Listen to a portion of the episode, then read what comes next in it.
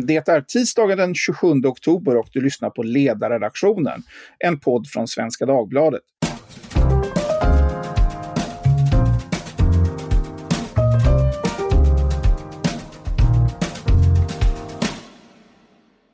Jag heter Fredrik Johansson och idag kommer vi att prata om journalistik och aktivism.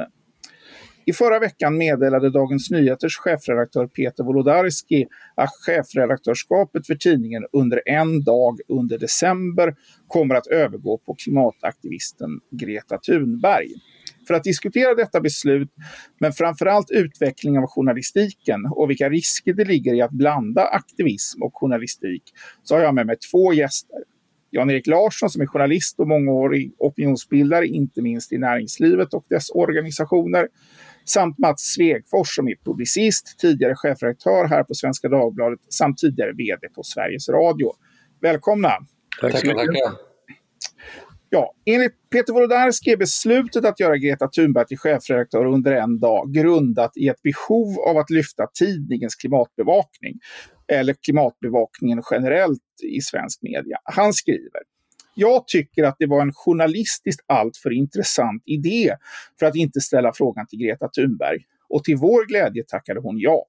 Hon kommer tillsammans med en grupp DN-redaktörer att arbeta fram en specialtidning i början av december. Sedvanliga journalistiska principer och rutiner kommer att vägleda arbetet och jag själv kommer att kvarstå som ansvarig utgivare men det blir en annorlunda tidning än vanligt som enligt Greta Thunbergs önskan ska fokusera väldigt lite på åsikter och väldigt mycket på kunskap och forskning. Och jag både hoppas och tror att slutresultatet kan väcka stort intresse och diskussion. Förhoppningsvis lär vi oss något. Slutcitat. Beslutet har blivit mycket omdebatterat, vilket Peter Wolodarski enligt egen uppgift också förutsåg. Författaren Alex Schulman skrev i en krönika i Expressen att jag tycker att Dagens Nyheter och alla andra svenska tidningar bör rapportera om allt Greta Thunberg gör och säger. Hon är väl den viktigaste rösten i Sverige just nu. Men vad innebär det när en av Sveriges största tidningar lämnar över sin journalistik till en aktivist? Vad är journalistik och vad är åsikter? Vad är sanning och vad är känslor? Jag tror att det är ett stort misstag. Sluta gråt, börja rapportera. Slutcitat. Det sista är en referens till hur nyhetsankare på CNN fallit i gråt över Donald Trumps förmåga att uttrycka sig utstuderat förfärligt på Twitter. Jag vill också i denna inledning nämna en mycket uppmärksammad krönika av Svenska Dagbladets Amerikakorrespondent Malin Ekman. Malin, Malin skriver, Ekman skriver, det finns förstås fortfarande nyhetsmedier och enskilda journalister som värnar läsarens förmåga och rätt att tänka själv. Men tyvärr verkar det vara en värdering på tvären bland många nyhetsföretag, inte minst i USA. I den svenska debatten ligger fokus ofta på de Trumpvänliga högermedierna från den konservativa tv-stationen Fox News till obskyra eller inflytelserika konspirationssajter. Ibland konstateras också i någon bisats att citat CNN samtidigt gått mer åt vänster sedan Trump blev president. Men även New York Times, fortsätter Malin Ekman, förmodligen världens mest ansedda tidning, ger ofta uttryck för en tendentiös rapportering som bekymrar mig.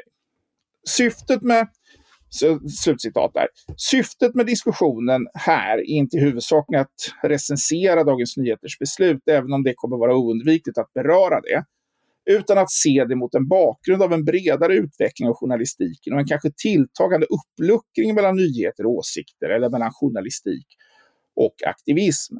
Låt mig börja med dig, Jan-Erik. Flera kommentatorer har gjort en koppling till vad som händer i USA och då inte minst, men inte bara, på New York Times. Du har skrivit en del om detta och då inte minst om risken att en amerikansk utveckling kommer in här i Sverige. Kan du utveckla det? Vad är det som händer i media i USA?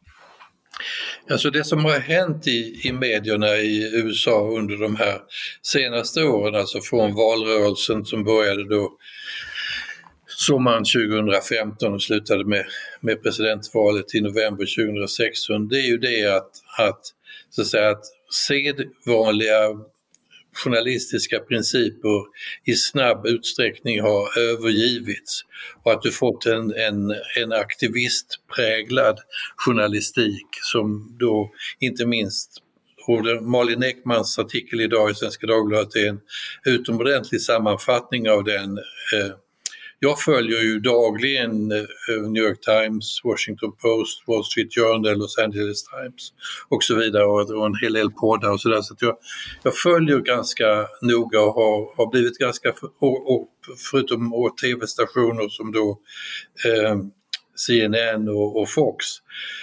Och det är, en, det är en aktivism, det är liksom det är istället för att vara sakfrågor inriktad och, och, så har det blivit liksom olika fotbollslag eller idrottslag som, som slåss och eh, det ena laget eh, har absolut rätt och det andra laget har absolut fel och eh, så att säga, den sakliga, sakliga granskningen har eh, har sjunkit undan och inte minst har CNN utvecklats i den här riktningen att det blivit så att säga anti-Trump-kanalen medan då eh, Fox News har, har varit eh, varit då mycket Trump-vänlig och är det väl fortfarande. Men under senaste året och senast för en liten stund sedan så twittrade Trump om att eh, det som har hänt sedan 2016 har, blivit, har varit att eh, Fox News har blivit eh,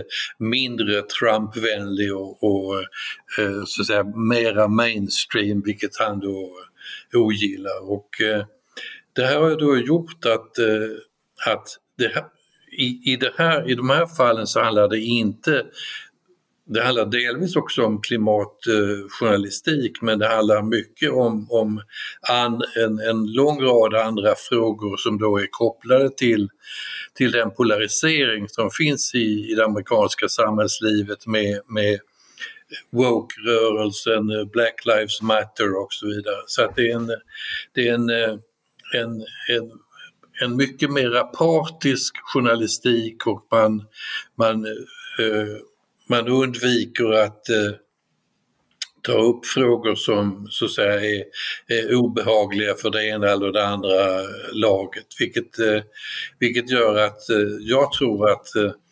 förtroendet för medierna i, i, USA tror jag sjunker och jag tror att förtroendet för, för många medier i, i Sverige också sjunker och det är väl egentligen grunden för min, mitt bekymmer över det här eh, kuliga PR-jippot som Dagens Nyheter eh, nu, nu ägnar sig åt. Därför att, eh... vi, ska, vi, ska åter, vi ska återkomma till det, till det Jan-Erik. Eh, men jag tänkte även bolla över den här frågan till Mats eh, som också då följer mycket amerikansk media och eh, har gjort det under en längre tid. Delar du Jan-Eriks bild och har du, det, har du någon förklaring till varför amerikansk media går i den här riktningen? Är det den generella polariseringen av, eh, av det amerikanska samhället som vi känner till från andra sammanhang? Eller finns det även andra förklaringar till det här ur ett mer journalistiskt eller mediadynamiskt perspektiv?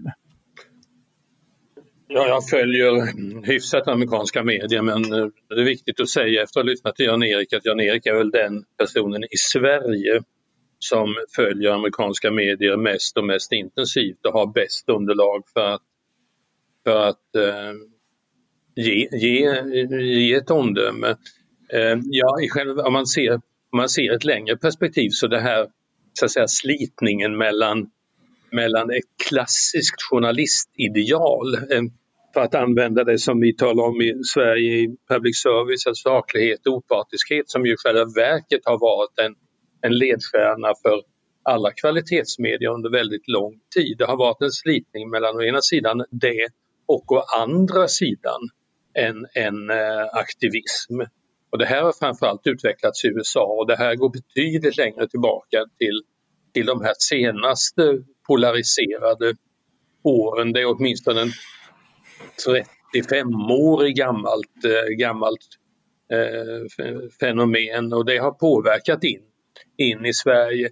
Jag skulle nog vilja säga att det som händer just med DN, eh, det, det är, ja detta är väl en aspekt men, men det är ju framförallt eh, ett jippo. Eh, och jag tycker ett lite tråkigt jippo. Jag, jag, jag sätter Peter Wolodarski högt. Jag tycker han har gjort fantastiska insatser med DN. Men man kan inte vara chefredaktör för en dag det är ju inte en chefredaktör som gör en tidning, det är en redaktion som gör en tidning. Eh, normalt så ägnar sig inte Peter Wolodarski eller någon annan chefredaktör i stort sett ett dugg under en arbetsdag i en morgontidning nota bene åt, åt tidningens innehåll utan man ägnar sig åt helt andra saker säger jag som ändå under nästan tio år var chefredaktör för Svenska Dagbladet.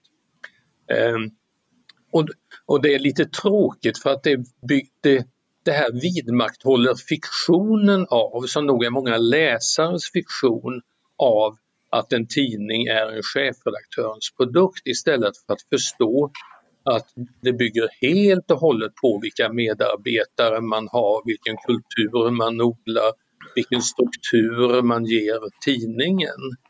Eh, så att det, det är en... Eh, det, det trodde jag aldrig jag skulle säga om Peter Wolodarski men det här är en rätt antiintellektuell historia som, som han har dragit, dragit eh, igång. Eh, vi, vi, ska, vi ska återkomma till, till det här och, eh, och det är intressant att ni båda två benämner det här som ett, som ett jippo. Och det låter, ju, eh, det låter ju tämligen negativt. Men jag tänkte eh, att vi tar upp den tråden lite senare för att jag tycker ändå att det är värt att diskutera också utifrån ett perspektiv vad man vill uppnå med den här aktiviteten. Men jag tänkte eh, att Jan-Erik skulle få kommentera på det här du Mats säger om amerikansk media, att, det här, att vi, är väldigt, vi är väldigt upptagna av vad som har hänt mellan 2016 och fram till idag. Men att det här ändå är en trend i amerikansk journalistik som sträcker sig längre tillbaka i tiden, eh, till i alla fall till 80-talet om, eh, om jag förstår Mats rätt. Har du någon, hur uppfattar du det Jan-Erik? Ligger det någonting i det? Ja, alltså det sammanhänger ju med att, att den amerikanska politiska kulturen är ju en sportkultur. Det är hemmalaget och bortalaget kultur i, i mycket, mycket hög grad. Så att eh, det har ju Mats har helt rätt i att, att detta är, är, är som, som fenomen in, inget nytt men, men det, det nya är ju till exempel då att New York Times som, som så att säga eh, inte som jag uppfattat det tidigare så otvetydigt så att säga, tagit ställning som man har gjort under, under de senare åren utan, utan det har varit eh, så att säga, andra medier eh, som, som, inte, som inte haft eh, samma ambition med, med saklighet och opartiskhet som har så att säga, varit kampanjorgan och till, till, till viss del beroende på att eh, vem som ägt tidningen och vad tidningens ägare velat, eh, velat ha, ha gjort och så vidare. Så att eh, Visst, det är inte, det är inte nytt och det, det sammanhänger med den amerikanska politiska kulturen som då är ganska annorlunda än en europeisk politisk kultur. Man ska, det ska man vara, vara på det klara med. Så att eh, det, det är så att säga, hela den här föreställningen om opartiskhet och saklighet har, har inte riktigt på samma sätt eh, varit en, en vägledare i, i, amerikanska medier som den har varit i, i, eh, i eh, europeiska. Och jag menar, ni, man kan gå tillbaka då till i 30 år men man kan också gå tillbaka till, till tidigt 1800-tal och det polariseringen var intensiv mellan, mellan eh, de båda partierna redan, redan så att säga, några år efter författningen eh, tillkomst och eh, hela 1800-talet präglas av intensiva politiska strider där då tidningsägare med sina tidningar agerade i, i ena eller andra riktningen. Så att eh, Absolut, och det är det jag menar, det, det är den amerikanska politiska kulturen som, som det handlar om. Men, men så att säga, då, då till exempel New York Times eh, håller sig för god för länge men, men har, har, som Malin Ekman påpekar idag, fallit för den här aktivistkulturen som ju då eh, lett till mycket uppmärksammade händelser på, på New York Times redaktion. En av ledarsidans redaktörer fick lämna, lämna tidningen och eh, eh en mycket prominent eh, medarbetare, Bari Weiss, lämnade den också strax därefter. Och, och det här har skadat eh, dagens, eller eh, New York Times rykte eh, mycket. Du skriver i ett inlägg på Facebook idag, Jan-Erik, lite grann apropå det här, vad, vilken typ av kultur det här är och vad är det som har hänt, vad som har hänt på New York Times. Du skriver citat att Greta Thunberg bjuds in för att bli chefredaktör för en dag på Dagens Nyheter har väckt viss uppmärksamhet. Frågan är om den uppmärksamheten till del är missriktad. Vad det i grunden handlar om torde vara den anglosaxiska woke-rörelsens verkliga genombrott i svensk offentlighet du är lite grann inne på det, men vad menar du här? Är det, är, är det här en... Ja, förlåt. Ja, det, det handlar om alltså att, att, att man ska inte, så att säga, man ska inte ha opartiskhet och saklighet och försöka, försöka belysa sakfrågorna utan man, man ska ta ställning, man ska, vara otve, man ska otvetydigt ta ställning och de som inte till 100% ställer upp bakom, bakom ofta då extrema uppfattningar, de ska förkastas och eh, brännmärkas och eh, drivas bort från universitetet, drivas bort från, från tidningsredaktion och så vidare. Det är, den, det är den polariseringen i det amerikanska samhället som också är ett fenomen på universiteten, som är i samhällsdebatten i övrigt. Och, eh, så att eh, jag oroas ju av att att Dagens Nyheters chefredaktör Peter Wolodarski, som jag känt i många år, tar ett sådant initiativ som så att säga uppmanar, som jag tolkade till, till samma renodling så att säga för eller mot. Antingen är man 100% för någonting eller 100% mot någonting och just då gäller det den så kallade klimatfrågan men, men eh, vi kommer säkert att se det här i andra sammanhang också skulle jag misstänka. Nu säger ju Wolodarski att det här handlar ju om att skärpa upp eller förbättra tidningens, eh, eh, tidningens rapportering kring, kring klimatfrågan. Och det handlar inte det handlar om att bli bättre på att rapportera vad han beskriver som en kris eh, eh snarare än att ta ställning i, i politisk mening, ska ju, ska ju tilläggas. Eh, men jag tänkte, eh, eh, det har ju blivit lite grann en, som sagt en debatt kring det här och Svenska Dagbladets chefredaktör Anna Karborg skrev i fredags att något motsvarande aldrig skulle vara tänkbart här på Svenska Dagbladet. Hon skriver så här, Dagens Nyheters artikel om chefredaktörsbytet som redan vid publiceringstillfället var översatt till engelska fick stor spridning. Som ett kortsiktigt PR-grepp är det att betrakta som en framgång, men för den som i en tid fylld av åsikter och aktivism tror på nyhetsjournalistikens särskilda uppdrag är det ett nederlag. Peter Wolodarski har nu svarat på detta och skriver bland annat det som oroar mig mer är att vi inte med tillräckligt djup och systematik lyckas skildra en kris som påverkar oss alla, våra barn och barnbarn. Inte heller Svenska Dagbladets chefredaktör kan stå fri från den frågan. Den påverkar trovärdigheten för alla medier. Han gör, eh, intressant nog, eller man kan ha synpunkter på det, han gör en stor poäng av att Svenska Dagbladet har pressstöd, vilket han då menar inte påverkar tidningens journalistiska integritet. Um, och han gör då jämförelsen att ifrågasätta Dagens Nyheters journalistiska integritet mot bakgrund av det här. Det motsvarar så att, säga, att ifrågasätta Svenska Dagbladets eh, journalistiska integritet mot bakgrund av att man då är, är, får pengar från eh, statsmakterna. Och han konstaterar att det vore klädsamt om Anna Karborg reflekterade över SVDs eget beroende av staten innan hon talar om för andra tidningar om hur viktigt det är att stå fri i sin verksamhet. Eh, Karborg påpekar då i och för sig parentetiskt i sin kontrareplik att Wolodarski citat, sitter själv i ledningsgruppen för Bonnier News som tagit emot minst 195 miljoner kronor i statliga stöd hittills i år. Men om man utgår ifrån från att eh, Wolodarski ändå har en poäng här. Att det, det, det går inte att ifrågasätta vare sig Svenska Dagbladets eller Dagens Nyheters journalistiska integritet beroende på detta, utan den är, är så pass Eh, den är så pass stark. Eh, jag undrar Mats, hur ser du på det där? Alltså, du, du har ju pratat om, eh, eh både i olika sammanhang om att det är den viktigaste tillgången på en, på en, på en tidning är, är sådär kulturen och, och den är ju uppenbart då i Peter Wolodarskis ögon väldigt stark, både på Svenska Dagbladet och DN. Eh, men hur tror du att det här påverkas, en sån här aktivitet påverkar den kulturen, om alls? Ja, det påverkar naturligtvis.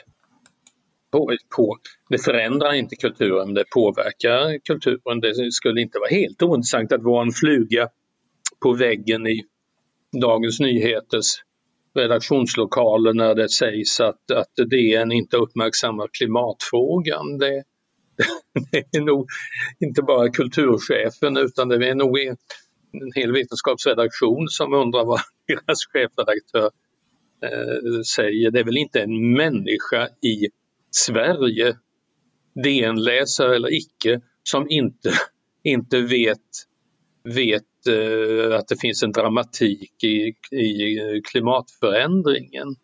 Eh, det som saknas är ju inte dramatiseringen, det som saknas är nyanseringen. Eh, och jag är verkligen ingen klimatförnekare som det heter, men, men däremot är ju, Eh, och det gäller ju även journalistiken, det är ju framförallt, det är ju mycket stor utsträckning en bekännelsejournalistik som har, som, som har drivits och det är ju det som Jan-Erik refererar till också, eh, som ju inte bara är ett amerikanskt fenomen. Mest förfärligt är det väl i universitetsvärlden, precis som det var i Sverige i slutet av 60-talet när man i stort sett inte kunde visa sig på en, på, på en eh, universitetsinstitution inom samhälle humaniora utan att öppet förklara att man var någon form av socialist. Och den, den, det, det, är ju ett stråk just det här be, be, bekännelsejournalistiken i, i, i medierna, precis som det var, för det var likadant på redaktionerna eh, då. Det som saknas är ju nyanseringen i den meningen att inte belysa svagheten i, i, i eh, klimatproblemet utan rationaliteten i det som man med själv kan kalla plastpåse Eh, politiken. Eh, bara för att göra väldigt tydligt vad jag menar. Vi står sannolikt i det svenska samhället inför en jätteutmaning när det handlar om att anpassa oss till ett förändrat klimat och därmed förändrade levnadsförutsättningar här i Sverige det talar vi ju väldigt lite om utan vi håller fortfarande då på med den här bekännelsepolitiken som om vi kunde bestämma vad som ska hända i, i Kina och Indien och Bangladesh. Eh, nu ska sägas till politikens försvar, politiken sysslar ju med detta men medierna sysslar inte med detta. Jag är helt övertygad om att det inte det är inte så att säga det rationalistiska perspektivet på klimatfrågan som DN nu, DNs redaktion ska försöka tvingas att bearbeta utan det är snarare, det är snarare just den här, den här be, bekännelseaspekten på det hela. Men ja, eller han skriver ju att, att det här är en, en kris som man inte klarar av att rapportera tillräckligt tydligt. Och han gör ju en parallell till till pandemijournalistiken där han konstaterar att man inom eh, mycket snabbt lyckades ställa om och rapportera kring en fråga som, som hade varit, tidigare varit tämligen okänd och det uppbådades både kunskap och resurser för att rapportera på det här området. Och nu menar han ju då att, att det inte sker på klimatområdet och att det här är då ett sätt eh, det här är ju inte det enda de gör utan det här är väl en del av ett bredare program för att lyfta, lyfta frågan. Men det, det du säger är att om man följer om man följer svensk media så är det svårt att inte nås av kunskap att, så att klimatförändringarna är ett, eh, ett stort långsiktigt samhällsproblem, om jag tolkar det rätt. Ja, eh, alltså pandemi, pandemijournalistiken bröt ut efter det att pandemin hade brutit ut. Det är som om klimatjournalistiken eh, skulle brutit ut först efter det Stockholm hade dränkts under ett, under ett högre vattenstånd i Östersjön.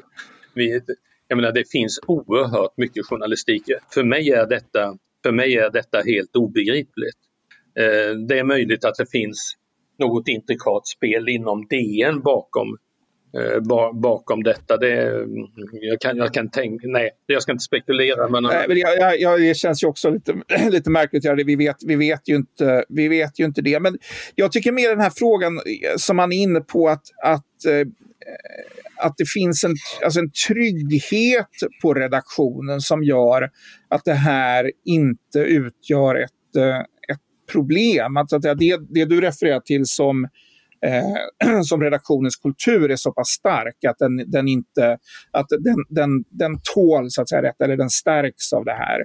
Eh, och det, om jag tolkar det rätt så, är, så, så tror du att han har en, eller uppfattar du att han har en poäng där i alla fall? Nej, men vad man kan se, vad man, vad man kan se i DN långt före detta, det är att det, fin det finns en spänning mellan det som jag kallar ett rationalistiskt förhållningssätt hos, hos redaktionen och, eh, och ett annat förhållningssätt hos kulturredaktionen, framförallt kulturchefen. Mm. Och där, där är ju alldeles uppenbart att det har funnits en, eh, funnits en, en, en, en, en spänning. Och det måste väl Peter, men det måste Peter Wolodarski förhålla sig till på något sätt. Men, eh, men som sagt var, den rationalistiska analysen, det, detta, detta, är ett, detta är ett jippo i, eh, i ett samhälle där allting handlar om, om uppmärksamhet.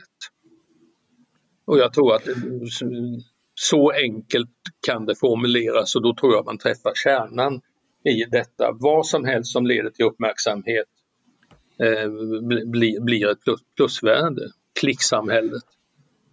Vad säger du, Jan-Erik, om det här med, eh, kanske också intressant ur ett amerikanskt perspektiv lite grann, kring, kring den här redaktionella tryggheten eh, som jag gissar också, eller jag utgår från att en tidning som New York Times har varit också väldigt eh, trygg i. Är inte detta eh, är inte detta någonting som DN klarar av? Eller, liksom, eller hur, hur ser den här risken egentligen ut, skulle du säga? Jag, jag tycker det är, det är svårt att, att, bedöma, vi får se vad som, som händer men, men det är ju ändå så att, att eh, man ska inte glömma bort att kopplingen till Greta Thunberg är ju liksom inte en garanti för en, en, en vetenskapligt saklig eh, journalistik utan eh, hon är ju en, en, en väckelsepredikant och, eh, och eh, jag menar, det finns en vetenskapsredaktion på, på DN som uppenbarligen inte, som Mats påpekar, inte, inte duger till och eh, jag menar, om man, ett, ett, ett kompletterande perspektiv. Jag menar, jag kommer ihåg när jag läste på Stanford i Kalifornien på 70-talet, då var Paul Ehrlichs undergångs Eh, scenario för mänskligheten eh, det som eh, oerhört många oroade sig över och strax därefter, några år därefter så kom Romklubben och berättade att eh, hur allting skulle, allting skulle gå under in på, på några decennier. Så att, att vi nu sitter 2020 och lever i en värld som bortsett från pandemin ändå ter sig hyfsat eh, välmående är ju då en, en, en, en paradox som, som 70 60 och 70-talets undergångsprofeter inte kunde föreställa sig. Så, och jag menar det här med, med undergångsprofetior har ju funnits i religionen sedan, i olika religioner sedan i tusentals år så att jag menar det finns ju och det är, ju det, det är ju det som gör att jag störs lite av den här fokus på det som kallas klimatfrågan därför det, det finns ingen okomplicerad enkel klimatfråga utan den handlar ju om, om om, om människor i många olika länder, om, om, om teknik och, och vetenskap och så vidare. Och eh, den, den centrala frågan som, som till exempel eh, så sällan ställs det så att säga. Det är inte hur upprörda eller oroade vi ska vara utan vad vi ska göra. Den frågan lämnar ju till exempel då eh, eh, DNs profeter, Wiman och andra helt åt sidan därför att de vill bara skrämmas. Ja, det återstår väl att se vad det här då leder till. Det är ju fullt möjligt att det inkluderar då en, eh, en ambitiösare agenda även på, även på det området. Och jag noterade idag att eh, Dagens Nyheters ledarsida hade en artikel som eh, handlade mycket om eh, tillväxt och utveckling och hur det är kopplat till, eh, till, till den långsiktiga lösningen på klimatfrågan. Det finns ju det finns en annan aspekt som för Eh, vi är ju, både Jan-Erik och jag har ju lång bakgrund i, i publicistik. Alltså jag, jag tycker vi lever i, just de här veckorna, lever i en av de mest dramatiska skedena som jag har varit med om i mitt vuxna liv.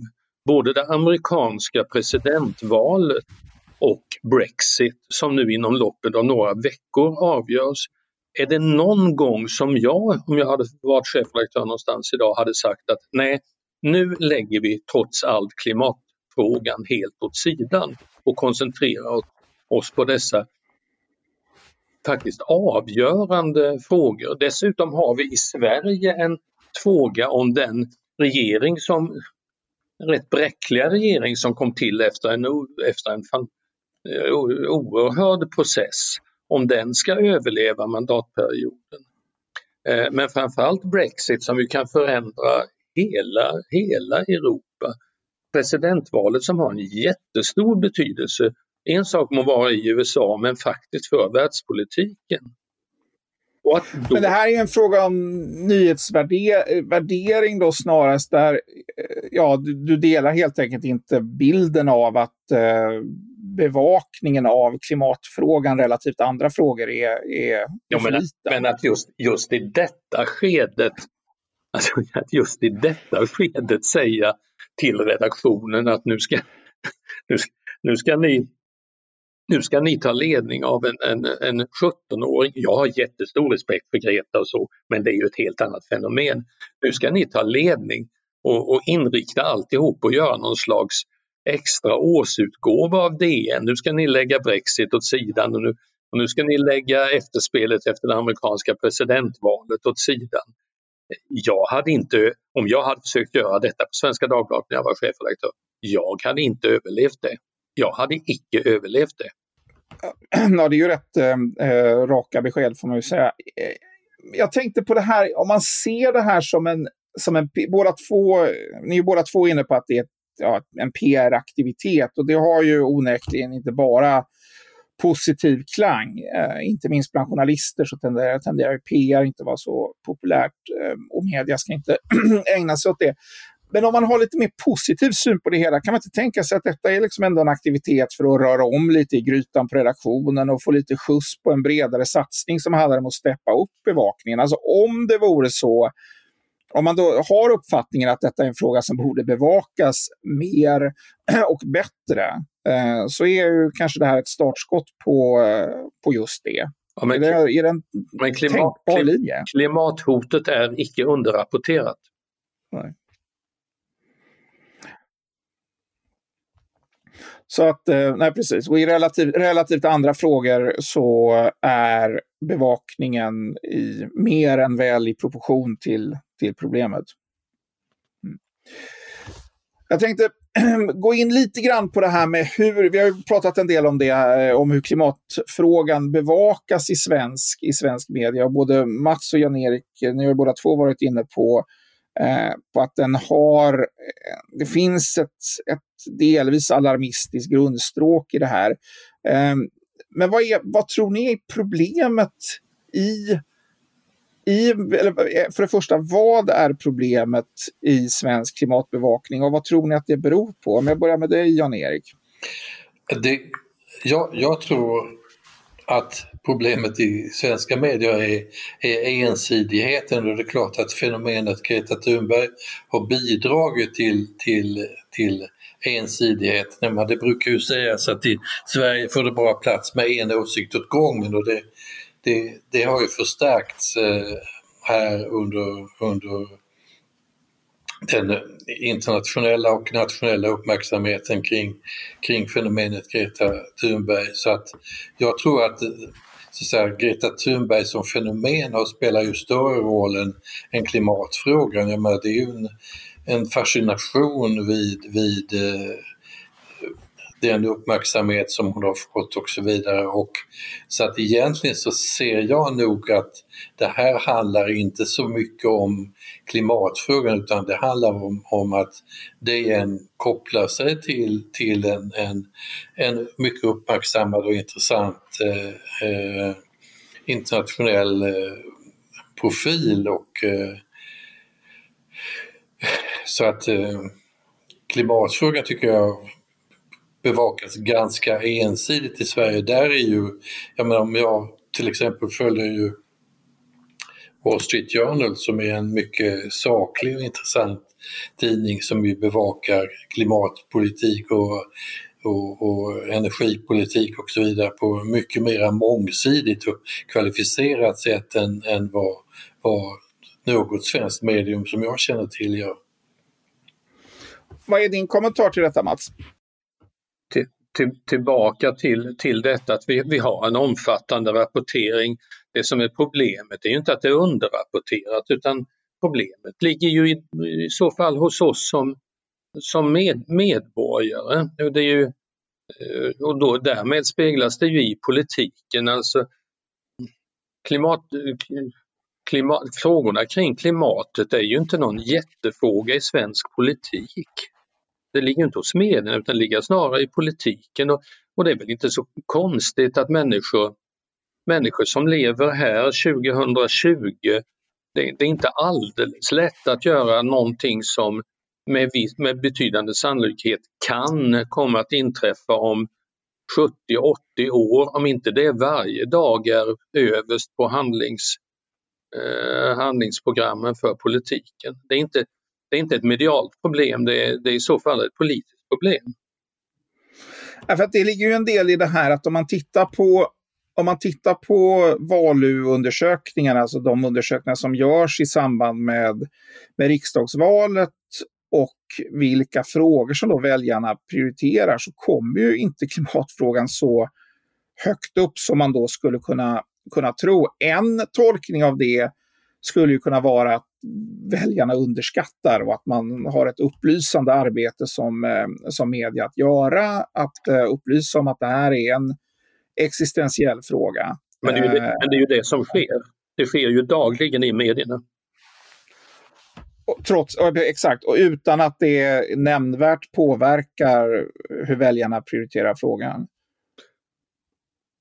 Ja, det, alltså, klimatpolitiken är ju trots allt stor i underliggande är den ju stor i politiken men eftersom den, eftersom den inte är särskilt partiskiljande annat än när det kommer till, till, till den här rena symbolpolitiken, plastpåsar och annat, andra dumheter faktiskt. Så i och med att den inte är så partiskiljande så blir den inte så stor i, i offentligheten. Nej, Nej det, så, är, så är det väl. Den är ju eh, som sagt var, det, eh, det är en medialt mycket väl reflekterad fråga och som eh, väljarna eh, inte uppfattar att det finns så enormt stora skillnader mellan partierna i. Och då blir ju, då blir ju så att säga någon sorts dissonans här mellan, mellan den mediala rapporteringen och, eh, och vad väljarna står. Men jag, jag, jag, jag, jag tror man kan säga så här att i svensk politik med, med Hans L Zetterbergs Bergs mycket äh, viktiga distinktion, då har det funnits skillnad mellan målrationalitet och värderationalitet. Målrationalitet, då analyserar man en fråga och tänker långsiktigt och i hur inser hur komplext det är och så lägger man fast handlingslinjer. I värderationaliteten, då, då, då är det symbolhandlingar som, som gäller. Det intressanta i klimatfrågan att här går de målrationella de värderationella opinionerna samman. Eh, det gjorde det aldrig i kärnkraftsfrågan, det gjorde det aldrig i vänstervågen i slutet av, av, av, av 60, 60-talet. Men här går de samman. Och då, då, då och det här blir politiskt svårt att hantera Därför om man tittar på, det gäller klimatfrågan, det gäller vidare, det gäller också Agenda 2030, så är, så är ju näringslivet är ju med i princip samma utsträckning som, som trubadurerna för att använda Valfrid Paulssons gamla uttryck från kärnkraften.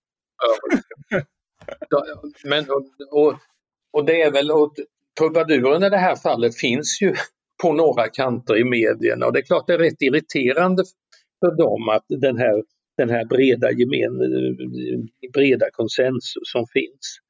Eh, och det blir lite svårhanterat. Och, ja, något, någonstans där finns ett problem att hantera för det, man får inte samma motsatt eller samma uppställning i den samhälleliga striden som man brukar få. Det finns inte ett tryck och ett mottryck på samma Nej, sätt i den, eh, i den så att säga, mediala eller politiska dramaturgin här. Du formulerade det mycket bättre än jag på mycket kortare. Ja, ren tur, ska jag säga. Eh, men eh, ja, vi ska avsluta det här. Vad, vad tar det här vägen? Om vi, ja, kan vi avsluta med två frågor. Det ena är, kommer Dagens Nyheter att bli en bättre eller sämre tidning av detta? Eller, liksom, eller kommer det här inte i grunden påverka särskilt mycket? Och den andra frågan, det är om den här, den här amerikanska utvecklingen som, som vi inledde med att diskutera och som många har, också har pekat på i det här sammanhanget. Kommer vi Kommer vi att se mer av det i Sverige? Kommer vi ha, Eh, nu utan att peka ut någon tidning alls här, men kommer, vi, kommer det finnas motsvarigheter till redaktioner som är som New York Times är idag eller som eh, CNN är idag eller Fox News är idag? Är det, liksom, är det en framtid som vi har att bävande se fram emot? Kommer DN bli en bättre tidning eller sämre tidning och kommer vi bli som New York Times? Det är min fråga. Vi börjar med dig. Ja, när det gäller vad som kommer att hända med DN så tror jag det kommer i huvudsak att avgöras av andra frågor än av det här specialnumret i, i december. Men, men jag tror att, att det sätt som, som det här presenterats eh, kortsiktigt har skadat DN. Vad gäller den andra frågan så är jag mycket mer oroad över vad som, vad som kan komma att eh, hända i Sverige, nämligen att, att vi får en, så att säga, mycket mer av den här woke-rörelsen av, av att, att det bara finns en, en åsikt och man kan inte diskutera och akademiker som vågar titta på andra frågor än, än de politiskt korrekta ska drivas ut från, från akademin eller från tidningarna och så vidare. Det, det, det, jag befarar att vi, vi mycket väl kan komma att få se mer av det, tyvärr. Eh, Ja, när det gäller DN, om det, det har sagts här och det har sagts många gånger att, eh, att eh, New York Times är en av världens mest respekterade tidningar. Ja, nej, skulle jag vilja säga. Ska man sätta två stora viktiga tidningar mot varandra skulle man kunna sätta Financial Times och New York Times mot, mot varandra och det, eh, där, där trillar, ju, trillar ju New York Times ner på fel sida oerhört tydligt. Ehm, och eh, det är ingen liten sak om DN håller på att på motsvarande sätt ramla ner på fel, eh, fel sida. Jag tror inte det kommer att ske. Jag tror inte det kommer att ske. Men, men det är lite illavarslande. Jag är jätteförvånad över att, att det är Peter Wolodarski som, som är på väg att ramla ner i diket på fel sida om, om, om vägen. Sen när det gäller Sverige. Alltså det här, jag vill påminna om detta att det här är en, den här milda amerikaniseringen utav Sveriges intellektuella liv. Eh, ta, ta hela vänstervågen på i slutet av 60-talet. Det upprepades vid de svenska universitetsinstitutionerna det som redan hade hänt. Och nota bene inte av, av små marginella universitet i mellanvästern utan vid de stora prestigefyllda universiteten. Eh, vi har detta i Sverige men det är mildare här. Eh, jag tror, gensaga mot Jan-Erik, jag tror inte att eh, jag tror inte vi kommer få det här amerikanska fenomenet alls lika välutvecklat. Jag tror och hoppas snarast på ett slags eh, nyansering och mångfald i. Och jag säger detta delvis efter att ha suttit ett antal år i universitetsstyrelsen i Lund när jag tog, några gånger tog upp sådana här frågor. Alltså det är en helt annan pluralism i, i, i den kvalificerade opinionsbildningen eh, idag. Och, eh, jag tror att universiteten i framtiden kommer betyda betydligt mer än vad tidningarna gör faktiskt. I grunden så tror jag att det är kunskaper som avgör framtiden. Och kunskapssamhället blir ständigt starkare och starkare och starkare. Jaha, på denna happy note får man ju ändå lov att säga, där både universiteten och eh, våra tidningar ändå går en hyggligt bra framtid till mötes så avslutar vi det här. Eh, tack så mycket. Ni har lyssnat på Ledarredaktionen, en podd från Svenska Dagbladet. Idag har vi talat om aktivism och journalistik och journalistiskt oberoende i, specifikt. Med mig har jag haft Jan-Erik Larsson som är journalist och mångårig, mångårig opinionsbildare, inte minst i näringslivet. Samt Mats Svegfors som är publicist, tidigare chefredaktör på Svenska Dagbladet samt, vd på, eh, samt tidigare vd på Sveriges Radio. Denna debatt lär fortsätta, inte minst efter det att Greta Thunberg gjort sin tidning på Dagens Nyheter i december. Jag heter Fredrik Johansson och stort tack för att ni har lyssnat.